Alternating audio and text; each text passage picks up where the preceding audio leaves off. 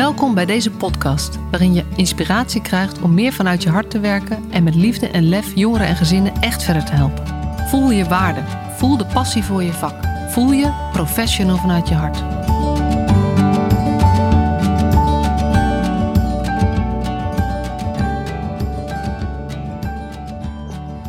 Welkom weer bij deze nieuwe aflevering van de Professional vanuit je hart podcast. En um, je, je, hebt het misschien al gezien, maar vandaag praat ik verder met uh, Carla Stals. Uh, en voor jou als luisteraar, als je iedere week luistert, is het een week later. Maar um, uh, wij hebben even een kwartiertje pauze gehad en we hebben de opnameknop weer aangezet. En de reden is eigenlijk dat we in de vorige podcast um, het echt wel over mensenhandel hebben gehad. Over de principes erachter, wat het is. Um, uh, wat er gebeurt, waar je het, nou ja, wat, wat voor signalen um, uh, je kunt zien en waar je dus op kunt letten en wat je dan kunt doen. Maar um, we hadden achteraf allebei zoiets van ja, dit gaat wel heel erg over mensenhandel. Maar is dit nou duidelijk genoeg? En uh, Carla die, die sprak ook uit van ja, ik wilde niet te veel casuïstiek noemen, want ik wil niet dat het te chockerend is. Um, en uh, uh, ja, dat is natuurlijk op zich ook heel goed, want het is een, uh, een, podcast, een medium wat iedereen gewoon zelf luistert. Dus je kan ook niet met elkaar daarna erover praten. maar wij kwamen toch tot de conclusie dat het goed is om, om eigenlijk wat meer voorbeelden te geven van wat, waar gaat het nou over als we het hebben over mensenhandel. En um, nou ja, bij deze dus even de, de waarschuwing um, van tevoren, dat, dat we hierin gewoon expliciet ingaan op voorbeelden bij uh, situaties die Carla in de praktijk zelf meegemaakt heeft of, of indirect mee te maken heeft gehad. Uh, en waarbij we niet meer gaan opletten of het wel of niet chockerend is, maar waar we eigenlijk gewoon de rauwe werkelijkheid um, nou ja, wat meer zichtbaar willen maken en ook meer recht willen doen. Dus dat is even de disclaimer. Heb ik het zo goed toegelicht, Carla? Ja, ja.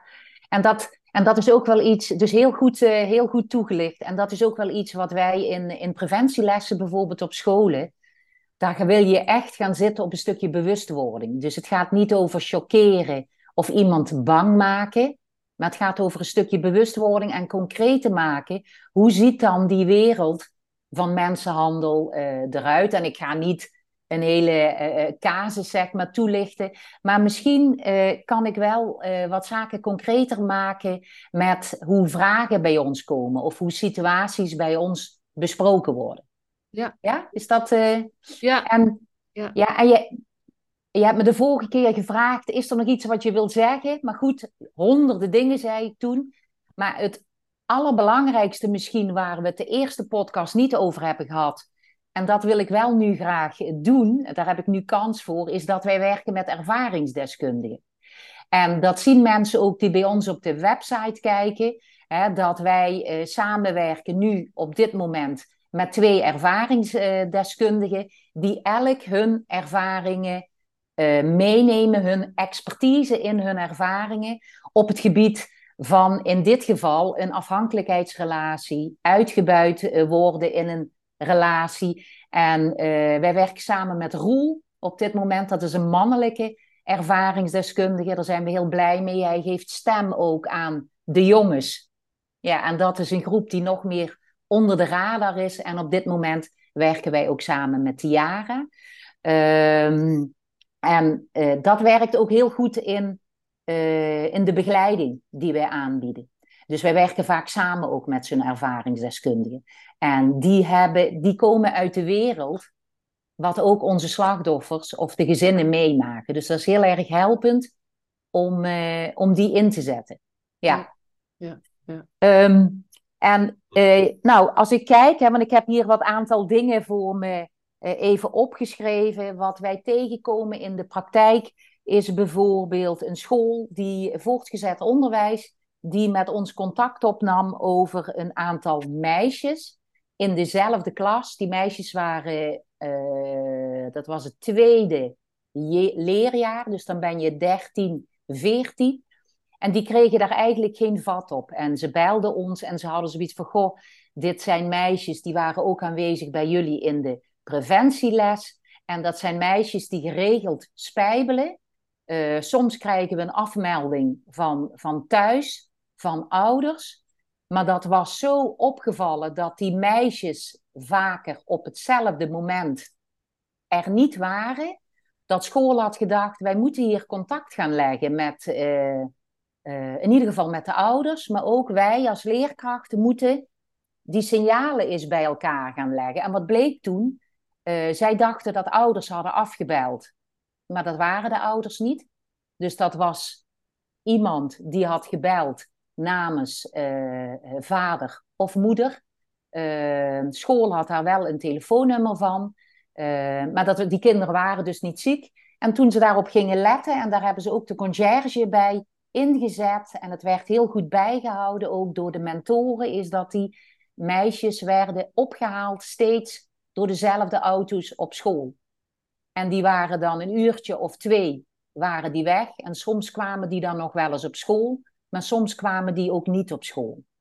En dat waren ook meisjes die hadden ineens ook uh, veel contant geld bij zich. En dat was iets wat zij anders nooit hadden. En uh, die meiden hadden ook in die school, zeg maar, een steeds groter wordende uh, vriendengroep die ze anders nooit hadden gehad. Nou, op dat moment, als hun school mij belt, nou, dan leg je contact met de zorgcoördinator mensenhandel. je gaat eventueel, naar aanleiding van signalen, ook contact leggen met AVIM, de speciale eenheid, ook binnen de politie gericht op mensenhandel. Ja, ik ga even, even, want de zorgcoördinator mensenhandel, wie, wie is, wat voor organisatie of, of wie is dat? Elke provincie heeft een zorgcoördinator mensenhandel en die werken zeg maar vanuit de provincie en die zijn gespecialiseerd in mensenhandelcasuïstiek. En zij coördineren de zorg uh, rondom een, uh, slachtoffer. Dus als er vermoedens zijn van mensenhandel en hè, voor Helse Liefde is dat dan op het gebied van seksuele uitbuiting en of criminele uitbuiting, kunnen we met hun eh, contact leggen en zij kunnen dan ook vanuit hun positie partners bij elkaar brengen, signalen bij elkaar brengen, maar ook eventueel indien nodig de zorg coördineren. En je noemt dus AVIM, die noemde je ook in de vorige uh, podcast even. Kan je dat ook uitleggen wat dat is? Ja, een speciale eenheid van de politie rond mensenhandel. En dan alle vormen van mensenhandel. Dus zij houden zich specifiek, specifiek bezig met mensenhandel. En wij hebben contact, uh, indien nodig, met hun. En rond de casuïstiek, zeg maar, die wij draaien. Ja, precies. Dus even weer terug naar het voorbeeld. De school had deze zorgen, contact opgenomen met jullie. Ja. Jullie hebben contact opgenomen met de zorgcoördinator mensenhandel van de betreffende provincie. Ja. En wat is er toen gebeurd? Nou, toen hebben wij samengezeten en toen hebben wij alle signalen die school had. En zij waren wat uh, beter op gaan letten op zeg maar, de signalen die ze op konden pikken. Die hebben we toen bij elkaar gelegd. En wat bleek, deze meisjes werden opgehaald en die werden dus echt ook naar een, een love hotel gebracht. En uh, volgens mij heb ik dat ook de vorige keer gezegd, dat zijn hotels hè, waar dan kamers worden verhuurd en zij moesten daar klanten afwerken.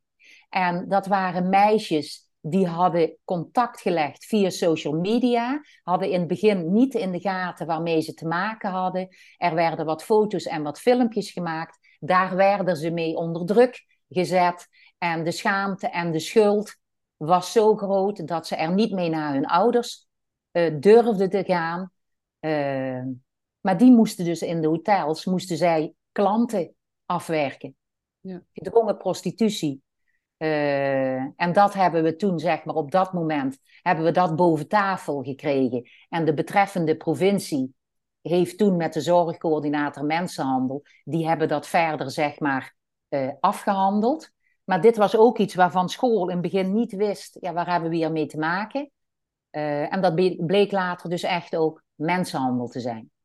En, gewoon... hoe, hoe zijn jullie erachter gekomen? Want ik snap, zeg maar, uh, want de school heeft gezien, hey, deze meiden, daar is iets geks, we, vertrouwen het niet helemaal. Die zijn zelf al extra gaan opletten. Nou, dat is, dat is supergoed van deze school ook. Mm-hmm. En ook slimme dingen die ze gedaan hebben. En ook heel erg tof, uh, ja, tof, toch ook om te horen dat ze gewoon ook zo concreet zijn gaan kijken. Ehm, eh, als die meiden naar buiten gaan, wat doen ze dan? Want daar zit informatie in. Dat is echt supergoed. Ja.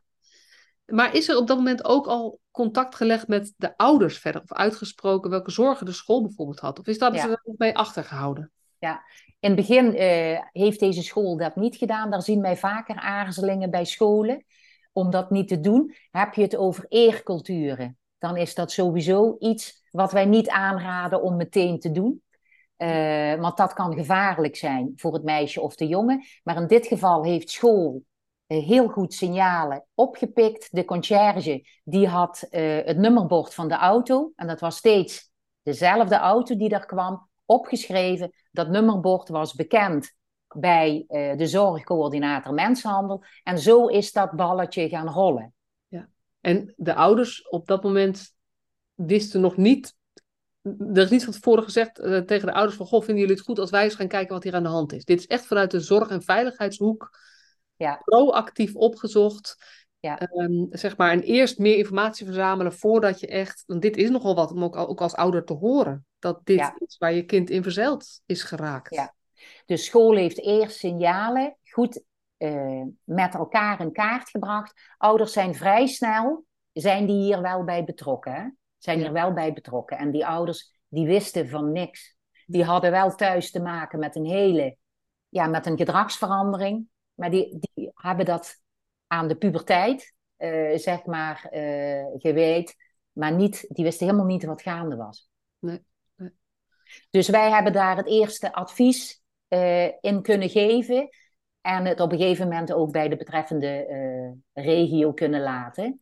Maar dat is een voorbeeld van wat kan gebeuren. Uh, het andere wat ik uh, heb meegemaakt is dat een school mij belde. En dat was een, een intern begeleider van school. dat was, een, was de eerste klas van het voortgezet onderwijs, ook een meisje. En dat meisje werd opgehaald door een zogenaamde oom steeds naar school en ging daar leuke dingen mee doen. Was een, uh, een meisje waarvan de ouders gescheiden waren. Uh, die oom die, die ging leuke dingen met haar doen. En die intern begeleider had een vrij goed contact met dit meisje. En die had daar zo'n raar gevoel uh, bij. En op het moment dat er een oudergesprek was, is dit besproken ook met, met, uh, met ouders. En die wisten helemaal niet wie die man was. Ja. Kijk, en alle vermoedens van mensenhandel hoeven geen mensenhandel te zijn. Maar ook dit was iets waar wij, zeg maar, die intern begeleider uh, met school en op een gegeven moment ook die ouders een stuk in hebben begeleid. Uh, en hier ging het, men dacht, mensenhandel, dat uh, ja, die signalen, die waren wel zo, die waren heel erg zorgwekkend.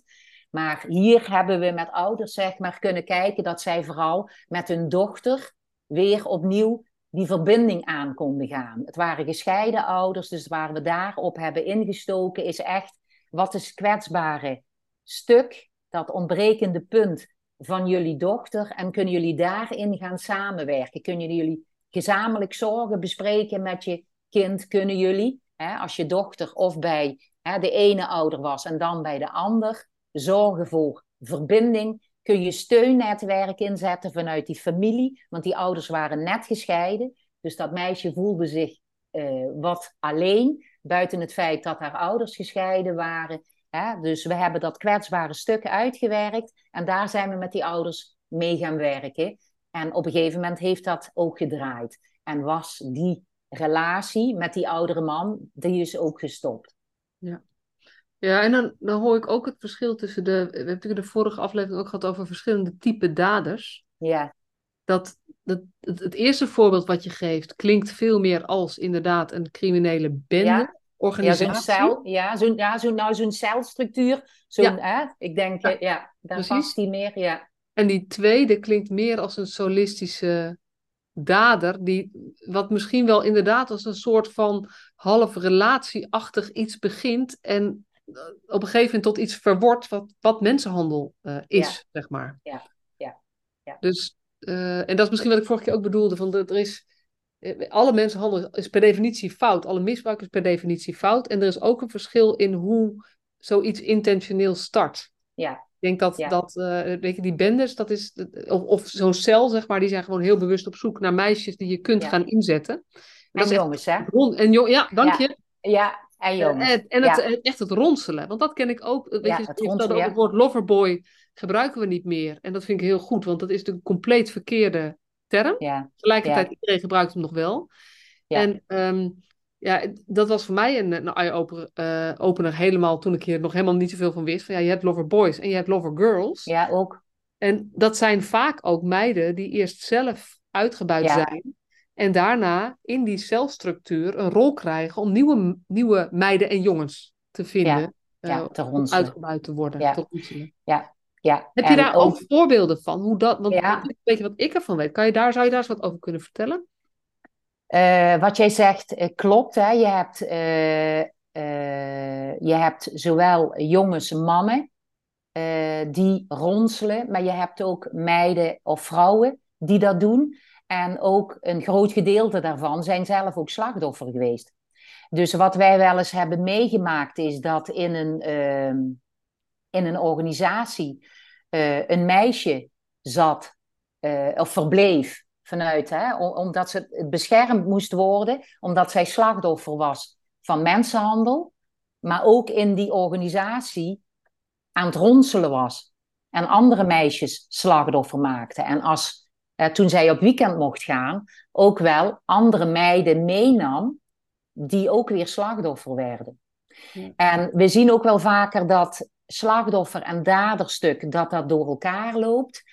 Uh, en dat dat voor die meiden ook soms uh, een, een soort van overleving is. Want op het moment dat jij andere meiden ronselt, die dan gedwongen seks hebben, betekent dat jij minder ja. Gedwongen sekswerk hoeft te doen. Of uh, het gaat ook wel soms over een stukje status die zo'n wat zo'n meisje kan verwerven ja. in, in zo'n groep. Dus dat komt zeker, eh, dat komt zeker voor. Ja. Ja, en je noemt het nu met, met een uh, meisje wat in een instelling verblijft. Ja, in een organisatie. organisatie verblijft. Want ik weet dat dat daar is het. Ja, er zijn gewoon grote zorgen ook. Uh, weet je, we hadden het vorige uh, aflevering even over gesloten jeugdzorg. Wat soms nodig is om deze meiden, jongens te beschermen. Ja. Ik weet ook dat dat juist weer een plek is. Ja waar, nou ja, letterlijk bij de poort soms, zeg maar, de auto's staan te wachten. Omdat ze weten dat iedereen die daar de deur uitloopt, eigenlijk een kwetsbaarheid heeft waar je op dat moment in kunt springen, om maar even heel naar te zeggen. Ja. Ja. Dus hoe zie jij dat zelf als je dan kijkt naar wat. Nou, en, en het, dit is dan expliciet gesloten jeugdzorg, maar je hebt natuurlijk ook gewoon open instellingen. Ik denk kinderen mhm. die niet thuis wonen, hebben wat dat betreft, uh, uh, lopen sowieso ook veel risico. Mhm. wat, wat hebben wij daarin te doen als jeugdzorg? Ehm, je ogen niet sluiten. Dit komt voor, of dit kan voorkomen in elke organisatie. En ik denk ook uh, begeleiding daar alert maken op signalen die ze op kunnen pikken. Maar ook alert zijn op, we hebben bijvoorbeeld heel veel organisaties waar uh, jongeren weglopen. Nou, iedereen kan daar wel eens weglopen, maar het gaat wel over de uh, sensitiviteit die je dan moet hebben als begeleider om te kijken, maar waar lopen die meiden naartoe? En, en kunnen we daar wat informatie over verzamelen? Wat ik wel eens zie uh, in organisaties is, is dat jongeren uh, steeds naar eenzelfde adres lopen in een grote stad.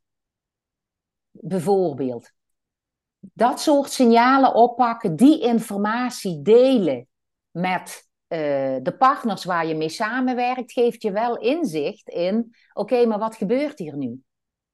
En het kan op elk terrein in, in, in jeugdzorgland bij wijze van voorkomen, want dat zijn ook kinderen die trekken elkaar aan, die kennen elkaar. Ik sta er soms van te kijken hoe, ja, hoe klein de wereld dan is. Dus welke taak, ja, hier heeft eh, begeleiding, groepsleiding, heeft hier ook een taak in. Maar dat begint met je mensen toerusten, alert zijn op signalen, maar ook uh, steun geven in acties die worden uitgezet.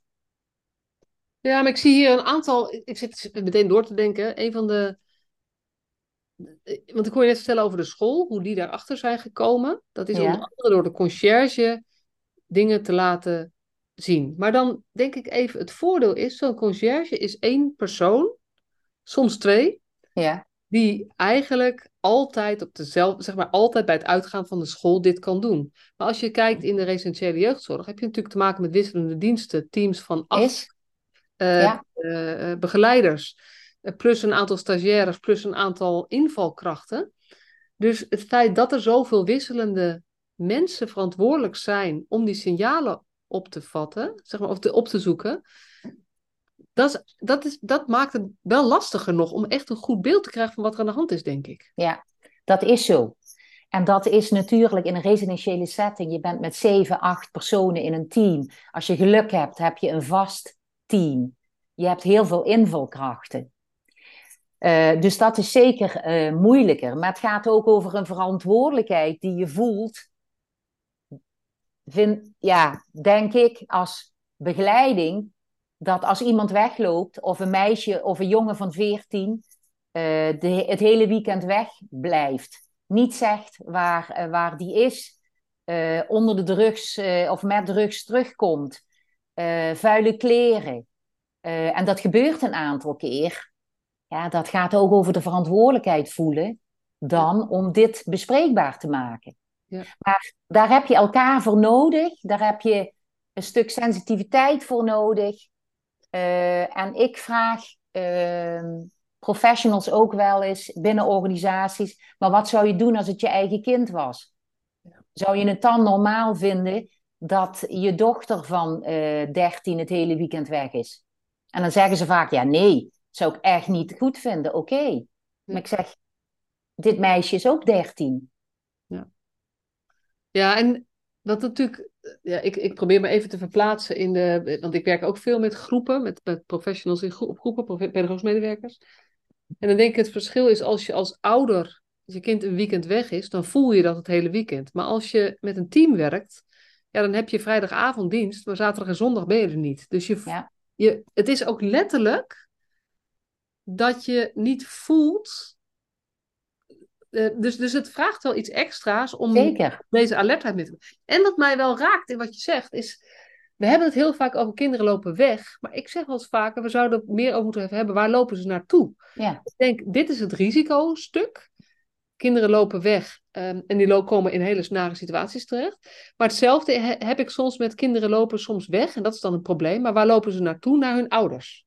Je hebt natuurlijk ook kinderen die weglopen in residentie omdat ze thuis willen zijn. Maar dan hebben we het Mhm. ook vooral over het weglopen. En dan zeg ik ook wel, we zouden het meer moeten hebben over waar gaan ze naartoe. Maar dat geldt Ja. dus eigenlijk sowieso. Zeker. Ja, en, en lopen ze weg? Of vluchten ze? Ja. Dus het- dat gaat er ook, ook, hè. Dan denk ik, lopen ze weg? Dat lijkt een bewuste actie te zijn. Of vluchten ze? Of kunnen ze niet terugkomen? Ja. En dan moet ik denken aan, in dit geval, ook als je het hebt over, over die, die, die praktijk, hè. Over een organisatie waar eh, jongeren zich onttrekken aan het gezag. Hè? Als er dan ook een maatregel is, die onttrekken zich. En in dit geval waren dat jongeren die werden gewoon op het station in de betreffende stad, die werden er gewoon uitgehaald. Als je het hebt over mensenhandelaren, heb je het over roofdieren die heel goed eruit kunnen pikken eh, wie kwetsbaar is. Ja. En die worden eruit gepikt. En deze jongeren, die werden gewoon een hele weekend of een week eh, gevangen gehouden in een huis. Die konden niet terugkomen naar de groep. Nee, en omdat dan het heel erg gaat over het gedrag van de jongeren, dus het wegloopgedrag en het Ja. trekken aan het gezag, hebben we te weinig oog voor wat er eigenlijk aan de hand is. Ja, ja en dan, dan is werken vanuit het hart echt heel erg belangrijk. Ook verantwoordelijkheid nemen. Maar als je het hebt over hoe regel je dat in in een organisatie, is een aandachtsfunctionaris binnen zo'n team kan helpend zijn. Die kan extra alert zijn op eh, signalen. Dan is een stuk kennis overbrengen op je team is belangrijk. Dan is het belangrijk dat eh, eh, AVIM eens regelmatig binnenloopt in zo'n organisatie om met zo'n team te praten, zorgcoördinator, mensenhandel. Want dan heb je hele korte lijnen. En dat maakt het wel gemakkelijk voor die professionals in de residentiële zorg. Want laten we wel wezen, die hebben echt geen gemakkelijke baan. Doe het maar eens. Maar dat kan wel allemaal helpen als we het hebben ook over deze casuïstiek. En vind jij dat um, gezien de ernst en eigenlijk toch nog de, het taboe uh, en dat we te weinig weten en het lang niet altijd zien, zeg maar, vind jij dat eigenlijk alle residentiële instellingen, organisaties, plekken zich actief hierin zouden moeten uh, laten? Nou, en, en, scholen is dan één, maar in ieder geval uh, eens een keertje zo'n zich, zich actief zouden moeten bezighouden met onze kinderen lopen een extra groot risico op mensenhandel? Ja, ja, ja, volmondig ja. En ik zie dat ook al veel organisaties doen. Hè? Ja. Dus, dus daar is echt wel, eh, daar is men zich echt wel bewust van. Maar ik vind dat we daar met z'n allen een taak in hebben. Want een extra kwetsbaarheid is als jij uh, verblijft binnen een residentiële setting. Kan een extra kwetsbaarheid zijn om slachtoffer te worden, worden maar ook om dader te worden. Ja. Want kijk, we hebben het nu steeds over slachtoffers, potentieel slachtoffer. Maar in onze preventielessen hebben we het ook een stukje over potentieel daderschap. Daar is nog veel winst te behalen.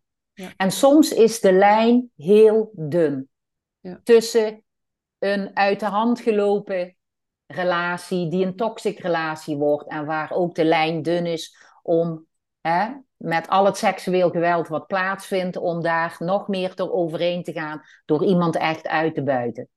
Ja, ja. ja.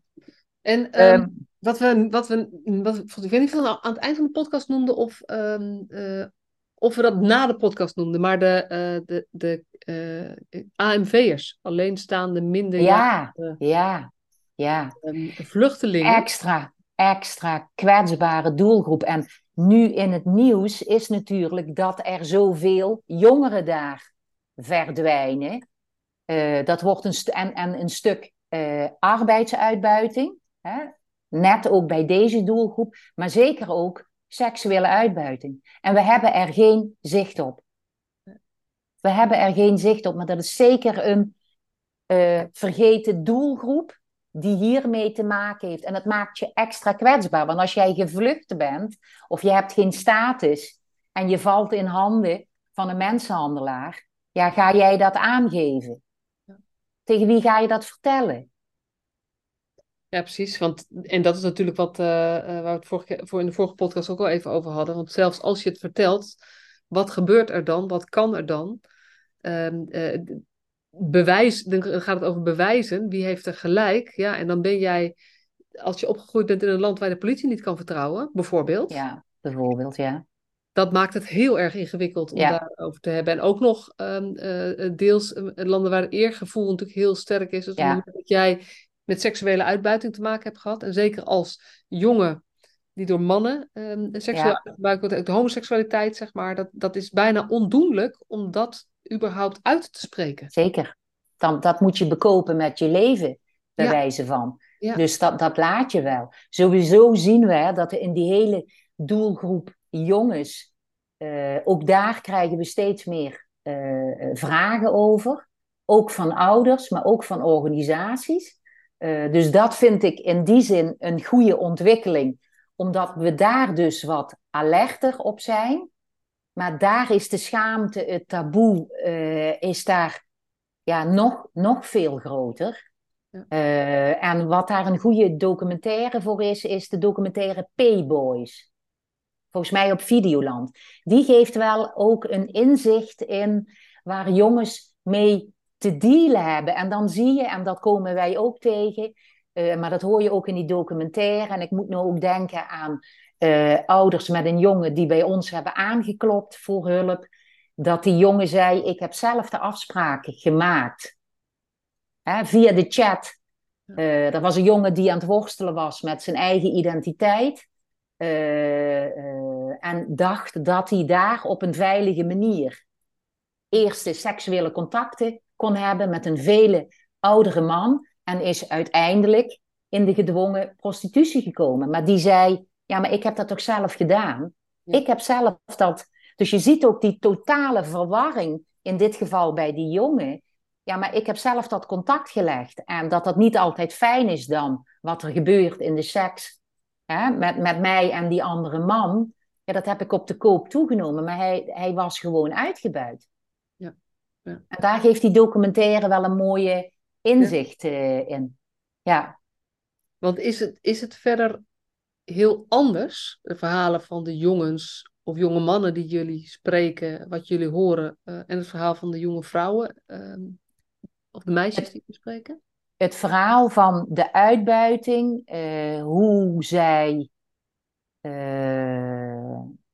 welk seksueel geweld zij meemaken, de dreiging, de vernedering. Ja, dat, dat zijn ja, zelfde verhalen, maar dan vanuit hè, uh, die jongen of vanuit dat meisje. Ook hoe snel je in een circuit kunt zitten. Ja, ja.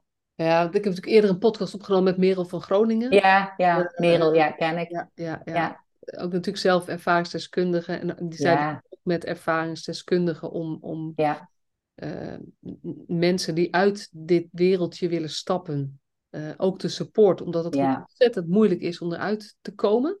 Ja. Maar dat ook het, het, tempo waarin dit kan, het is niet altijd afglijden. Het is niet altijd een proces van uh, dat iemand langzaam erin terechtkomt. Dat kan ook gewoon binnen twee weken gebeurd zijn. Binnen een dag.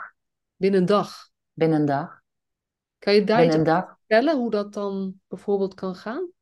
Merel, en, en Merel heeft een hele mo mooie foundation, hè? de Merel van Groningen Foundation. En zij werkt inderdaad met, die, uh, met, met ervaringsdeskundigen. En dat is zo belangrijk werk wat zij doet. Uh, binnen een dag moet ik nu denken aan een meisje met een islamitische achtergrond. We hebben het gehad ook over eercultuur. en in dit geval van dat meisje, zij wilde ook gaan stappen, zij wilde uitgaan. Zij had afgesproken met een, uh, met een jongen. Uh, dus zij moest, uh, hè, zij, zij was gesluierd. zij heeft de hoofddoek heeft ze afgedaan. Ze heeft afgesproken met die jongen. ergens bij een discotheek. Daar, daar is zij verkracht door een groepje mannen, jonge jongens. Daar zijn foto's en filmpjes van gemaakt. Daar is ze mee gechanteerd en binnen een dag was zij aan het werk. Dus het kan ook echt heel razend, ja, het kan heel razendsnel gaan. En dat is ook met die term loverboy-problematiek. Maar wij gebruiken hem wel nog omdat hij gewoon bekend is. En wij willen mensen die zich zorgen maken, nou die wil je gewoon dat die met de juiste zoekterm, zeg maar, op de goede plek terechtkomen. Dat suggereert nog een lange liefdesrelatie, cadeautjes, uh, leuke dingen. Uh, maar dit is pure, ja, in, in dit geval van wat ik net vertel, pure dreiging, chantage en geweld. En binnen een dag was zij, uh, was zij aan het werk. Ja, en um, je vertelde al van er zijn hotels of vakantieparken, zeg maar, die hier gebruikt worden. En we hebben natuurlijk te maken met uh, de legalisering van prostitutie. Ja. Maar of, ja, ik weet niet, ik zit dus niet helemaal hierin, maar er zijn het aantal regelgeving is, is veranderd. Mm -hmm maakt het nou de, de, de meiden en jongens om wie het gaat kwetsbaarder? Of geeft dat een vorm van bescherming? Dat er, weet je, als ik het, als ik het goed begrepen heb, maar verbeter correct me if I'm wrong. Ja. Mag je nu um, gewoon in je eigen huis jezelf aanbieden als prostituee?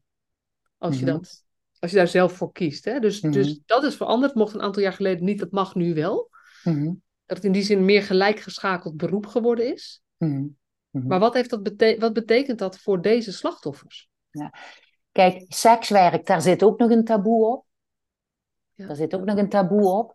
Dus dat daar, uh, ja, dat dat gelegaliseerd wordt, dat is goed. Het is alleen, ja, wat is de lijn? Wat is gedwongen en wat is vrijwillig? Dus ik denk sowieso voor uh, de slachtoffers waar wij mee werken, of daar waar het nog niet bewezen is, maar je wel in een hele hele uh, nare relatie zit uh, en waar dingen gebeuren die jij niet wil of die jij moet doen, uh, het bewijs dat dat niet vrijwillig is, dat is echt heel erg lastig. En we hebben echt te maken met een maatschappij, en daar heeft Iva Bikanic het ook over, victim blaming, victim shaming. Ik kom veel op scholen, uh, als je het hebt over sexting, bijvoorbeeld. Hè? Het sturen van, of het maken en het sturen van foto's en filmpjes. Als je het hebt over een praktijkvoorbeeld, nou daar krijg ik elke week bij wijze van wel een telefoontje van. Uh, en sexting is opgenomen binnen de richtlijnen van het NJI als het gaat over gezonde seksualiteit. Alleen in het geval waar wij mee te maken hebben, is dat zonder toestemming foto's en filmpjes worden doorgestuurd. En dat kan onder kinderporno vallen. Maar als ik dan zie hoe onthand scholen zijn om hiermee om te gaan, maar ook nog stereotype beelden. Want ik heb gewerkt met een school en dan is toch het meisje is, is de slet of de hoer. Want dat doe je niet. Van jezelf foto's of filmpjes sturen. En de jongen die een foto stuurt of een filmpje van zichzelf, hè, als die bezig is met seksuele handelen, handelingen, dat is dan toch nog de player. Of uh, dat is de, uh, nou, dat, dat is uh, echt een, een vent. Als je denkt over die stereotype beelden nog in, op, in opvoeden, ja. Um, maar ook hoe onthand school is, maar ook hoe de omgeving kan reageren. Uh, met, ja, je hebt het zelf gedaan. Ja. Je hebt toch zelf dat foto of, of dat filmpje gestuurd? Ja. Ja, het is wel, doordat ik natuurlijk toch iets meer weet dan de gemiddelde burger van dit thema. Ja. Heb ja. Ik, heb ik, ja, daar heb ik, mijn, mijn oudste kinderen zijn 15 en 13. Dus ja. dat zeg ik wel echt tegen ze. Doe dat echt nooit. Nooit, nooit, zeg maar. Ja. En als je het doet, ja, en als je het doet, want die lijn is ook heel dun. Want ik bedoel, die telefoon is veel meer dan een telefoon voor Ja. die kinderen. Dat is een gegeven feit. De online wereld heeft echt heel veel mogelijkheden. Ik, eh, ik bedoel, ik maak er ook veel gebruik van. Maar jongeren overzien niet. Jongeren overzien niet dat, dat ze nu dat vriendje of dat vriendinnetje hebben, wat nu leuk is, dat dat dadelijk tegen je gebruikt wordt. Maar waar wij als omgeving wel wat mee kunnen doen, is jongeren, is, is die eh, digitale wereld meenemen in de opvoeding. Kinderen bewust maken. Maar het feit dat wij daarna ook nog tegen zo'n meisje zeggen: Ja, het is jouw schuld Ja. dat jou dit overkomt. Had je maar geen foto moeten sturen? Ja.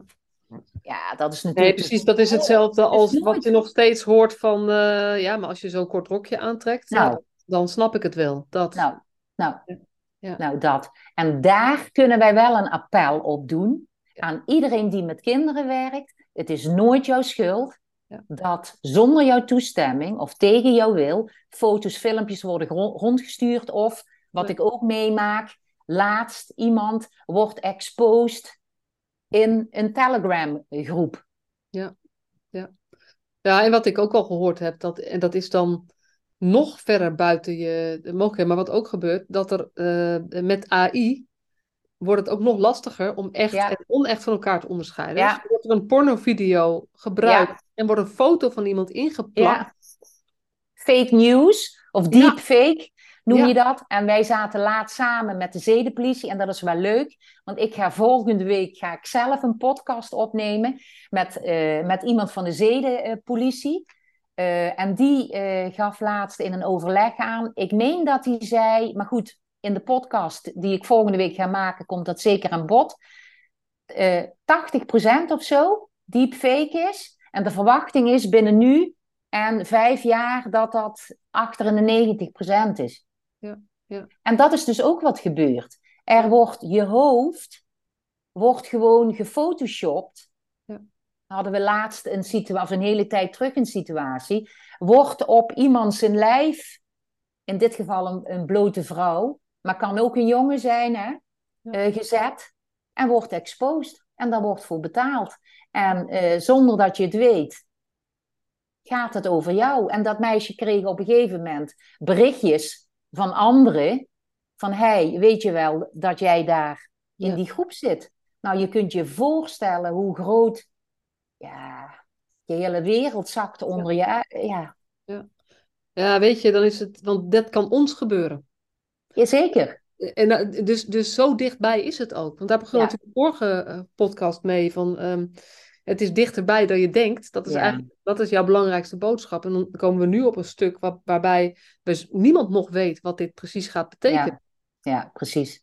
Maar dit is, weet je, ik sta met, met veel met mijn, met mijn gezicht en filmpjes en mijn stem is gewoon ehm, eh, overal terug te vinden met al die podcasts. Ja. Maar dat betekent dat met AI ja, dat, er, uh, dat er van alles van gemaakt kan worden als mensen ja. kwaad zouden willen. En dan ja. ben ik inmiddels loop ik, ik, ben, ik word uh, 49, dus dan denk ik nou ja, weet je, dan, dan doen ze maar iets dan, zeg maar, met dat lichaam. Maar ja, als je toch 14 bent en dat gebeurt je.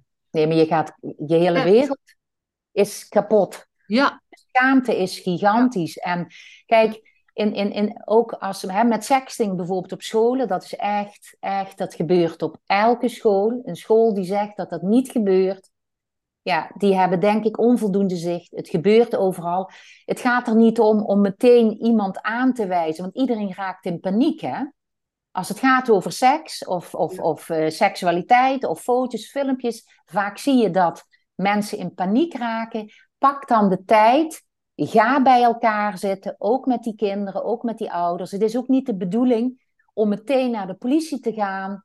Dit is echt altijd maatwerk. Ik had het daar deze week nog met een collega van mij over. Het is altijd maatwerk om dan te kijken, wat is hier nu gebeurd? En dat in dat grijze gebied moet je met elkaar gaan bekijken welke acties zijn hierin nu helpend. En ga niet meteen een aangifte doen, want je tekent iemand ook misschien voor zijn hele leven als het binnen hè, de zeden uh, zou gaan vallen. Maar ga met elkaar in gesprek en kijk wat is hier gebeurd, wat is hier helpend. En ga als school ook dat stukje opnemen in datgene wat je, wat je leerlingen aanbiedt.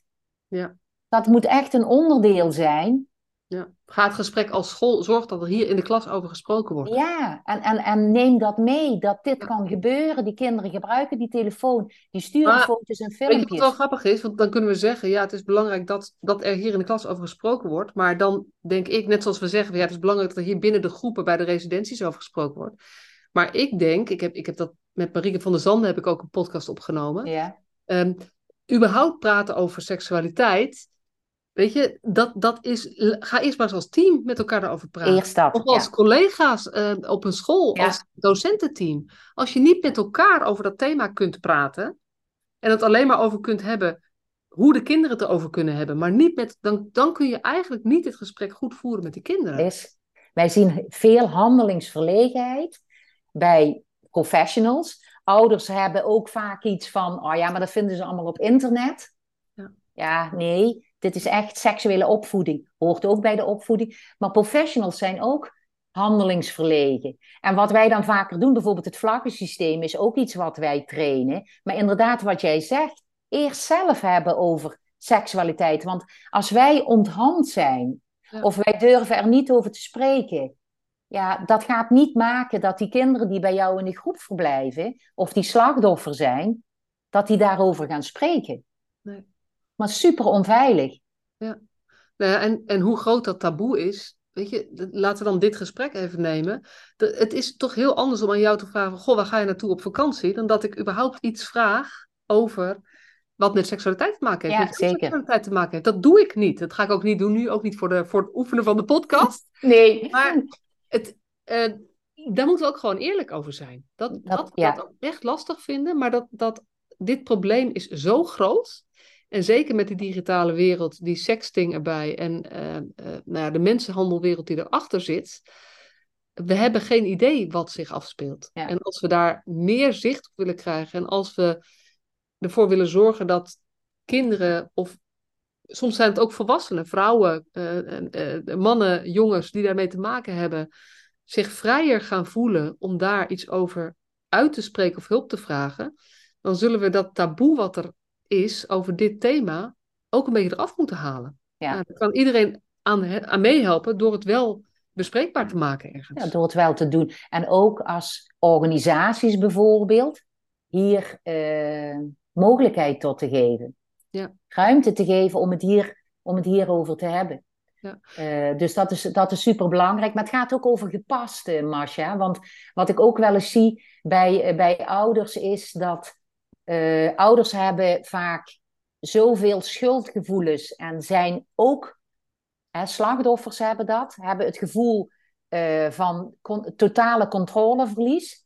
en ouders zien we ook die willen controle gaan krijgen. En er zijn soms ouders die zeggen: wij willen helemaal niks weten wat, wat gebeurt. Dus er zijn ook ouders die eigenlijk alles willen weten. Ja. En dan gaat het ook weer over gepast. Maar vanuit die ouders is dat een manier uh, soms van ik wil controle krijgen, maar die willen elk dat detail weten van hun kind, wat er is gebeurd. En dat zijn de meest verschrikkelijke verhalen. Het gaat ook over gepast. Ja. Uh, en daar moeten we ouders en, en jongeren ook in begeleiden. Wat is gepast om te delen? En wat hou je voor jezelf? Zien we vaak ook dat kinderen niet alles vertellen, want dan zeggen ze tegen ons: ja, dat kunnen onze ouders helemaal niet aan. En wat doe je als ouders elk detail willen weten? Dan moet je die ouders ook tegen beschermen, maar ook tegen die, maar ook die jongeren. Ja, ja wat je ook uh, in de vorige podcast zei, dat een van de redenen dat, dat jongeren uh, twijfelen over aangifte, is dat ze niet weer dat verhaal willen vertellen. Nou, dat. Als je aangifte gaat doen, moet je expliciet zijn met wat er gebeurd is. Want anders kan je nooit een zaak opbouwen. Ja. Maar dat alleen al um, kan gewoon uh, ja, hertraumatiserend zijn. Of het zeg maar, kan je weer in dat trauma trekken. En niet iedereen is daar. Nou ja, eh, sommige mensen komen daar nooit aan toe om dat te kunnen. Uh, En soms heeft dat meer tijd nodig. En soms zeggen mensen ook van ja, weet je, ik, ik heb dat nu een plek gegeven. Ik wil dat niet nu weer ophalen. Ja, precies.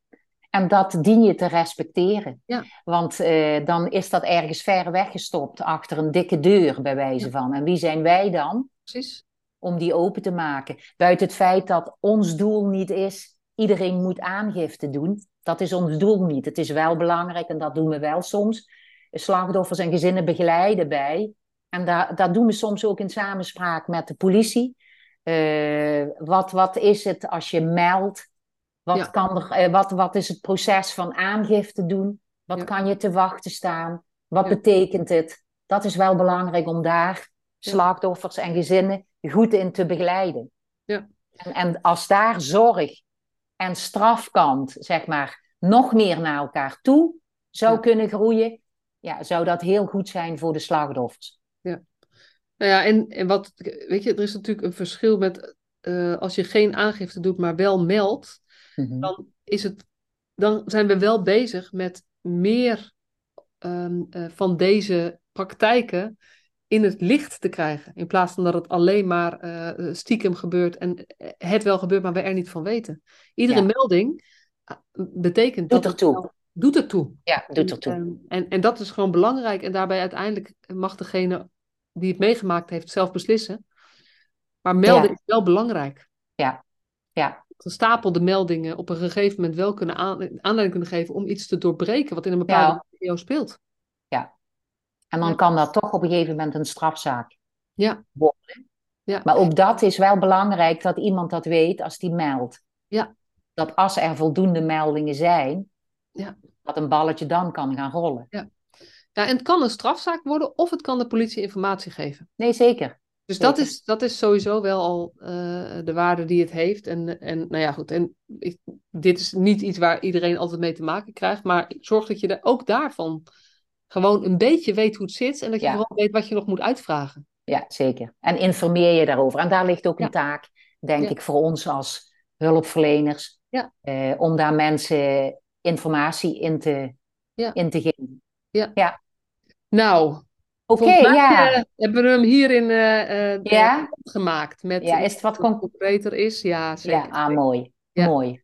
Hey, en nog één keer de website www.helseliefde.nl. Yes, helemaal goed. is. Iedereen kan er naartoe gaan. Eh, je wordt sowieso verder geholpen ehm, de goede kant op. eh, en ehm, er staat heel informa- informatie op de lijst, en, eh, eh, op de eh, website. Checklist, signaling, signaleringslijst. ja, Ehm, en eh, ik weet dat er mensen zitten die, eh, die echt met hart en ziel zich inzetten om de slachtoffers van mensenhandel, seksuele uitbuiting met name, eh, nou ja, weer, weer de goede kant op te helpen. Eh, ja. Ehm, voel je vooral vrij om contact op te nemen als je dit ergens herkent. Okay. Heb je nog iets toe te voegen? Nee. En oh ja, wat ik nog, ja, goed. Ja, toch wel, hè? Ja, als ik in de kans nee, natuurlijk. Ja, nee, slachtoffers en de gezinnen. Ja. Ik wil dat echt toevoegen, want dat kunnen we nog meer doen. En de gezinnen. En de gezinnen, maar dus ook de scholen. Ja. Dus het is iedereen om zo'n kind, maar jullie, jullie, als jullie in actie komen, echt in begeleiding, dat is, dat is belangrijk, dat is wat ik denk wat je bedoelt, dan richt je je niet alleen op de slachtoffers, maar vooral ook op de gezinnen. Want uiteindelijk, door het gezin te helpen, helpen we het slachtoffer beter. Ja, zeker. Ja. ja, nou, dat vind ik een mooie afronding. Dankjewel. Ja, jij bedankt.